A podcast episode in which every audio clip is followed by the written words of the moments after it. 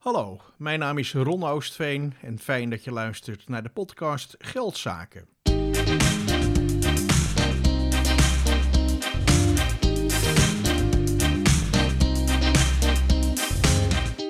Deze podcast informeert je over alle zaken die met geld te maken hebben. Goede informatie is belangrijk, want geld speelt een grote rol in de maatschappij en dus waarschijnlijk ook in jouw leven. Iedere week wordt er een nieuwe podcast Geldzaken gemaakt. Je kunt de podcast vinden op Spotify, Apple Podcast en Google Podcast. Maar natuurlijk ook op de website geldzaken.nu. Vind je het leuk? Neem dan een abonnement zodat je geen aflevering hoeft te missen. Meer informatie over deze podcast, maar natuurlijk ook over andere onderwerpen, kun je vinden op de website geldzaken.nu. We gaan beginnen. In deze podcast bespreek ik het fenomeen van het hedonisme in relatie tot geldzaken. Dat klinkt misschien allemaal zwaar en ingewikkeld, maar het valt mee, dus uh, blijf luisteren.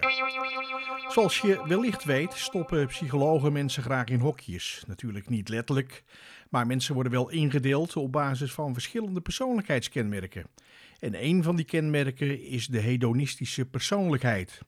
Dat is een persoonlijkheidskenmerk dat voorkomt bij mensen die bovengemiddeld streven naar directe lustbevrediging.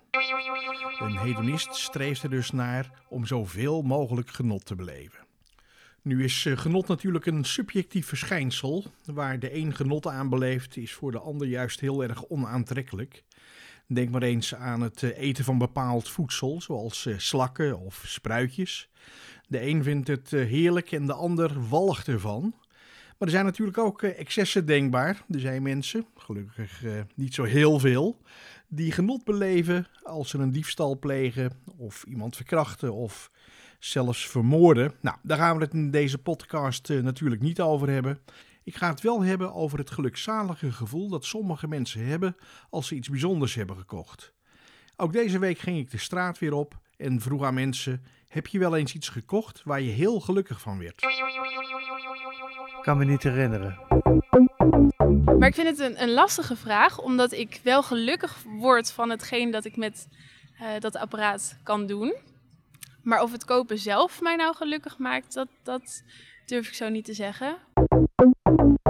Uh, ja, wel. Wel vaker eigenlijk. En dat zijn wel meestal gewoon kleren. maar ik merk wel dat ik daar gewoon kort even gelukkig van ben. Dus meer de dag zelf en misschien een dag later. Maar daar kan ik wel gelukkig van worden.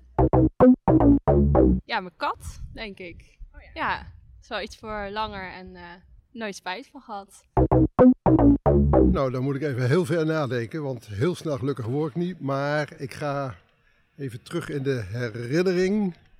Um, dan moet ik zeggen, uh, ja, een, een, een bokspring, een bed.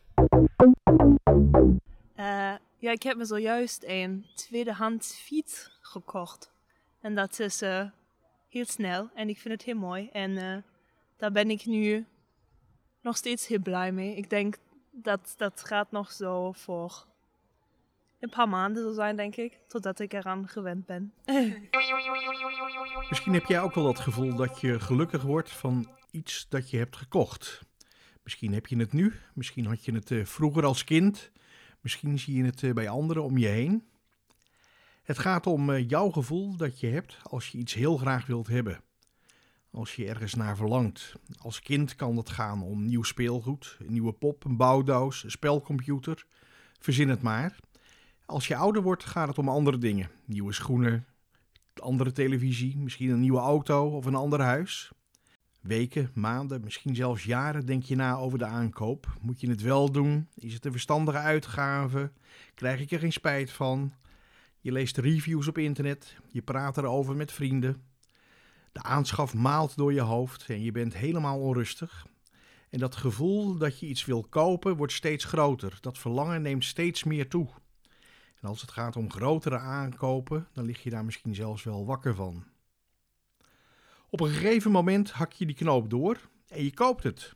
Je gaat naar de winkel of je bestelt het online en die felbegeerde nieuwe schoenen, nieuwe televisie, dat bankstel of wat dan ook mag zijn, staat in je huis. Die lang gekoesterde wens is in vervulling gegaan en je geluk kan niet op. Iedereen die naar deze podcast luistert, heeft het wel eens meegemaakt. Het geluk dat je ervaart als een wens in vervulling gaat. Als je dat geluksgevoel analyseert, en dat moet je bij jezelf maar eens doen, dan vallen er een paar dingen op.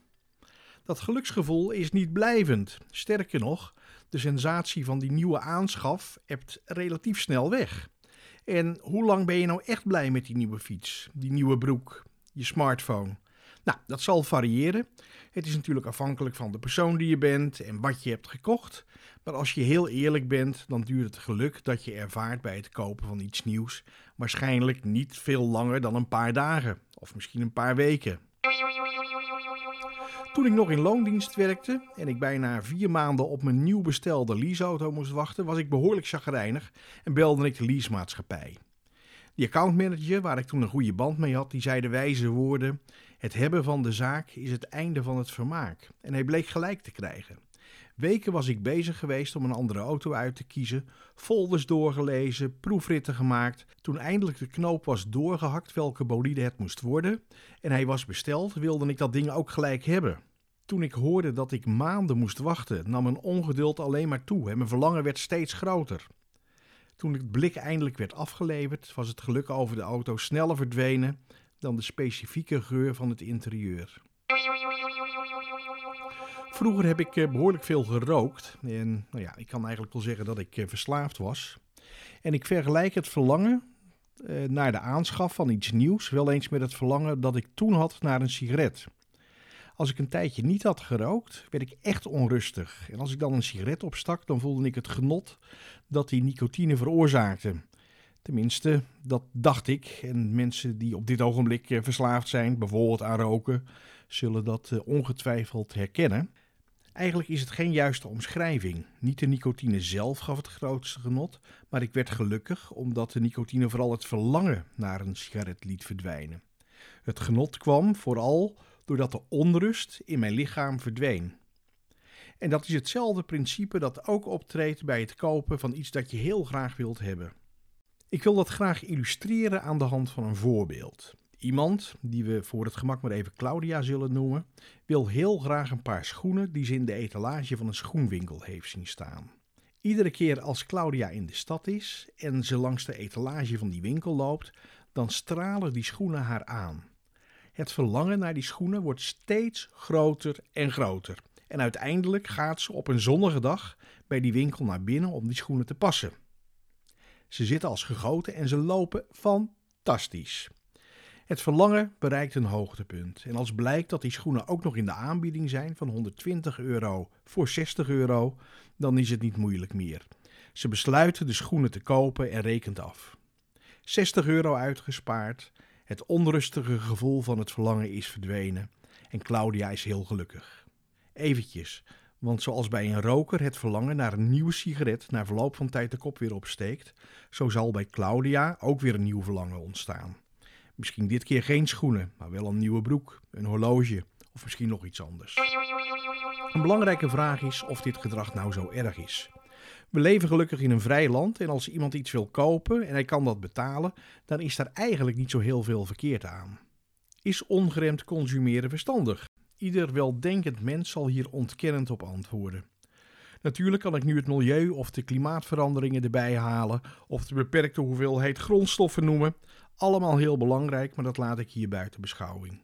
Ongeremd consumeren is vooral heel onverstandig voor de consument zelf. Je kan een euro tenslotte maar één keer uitgeven.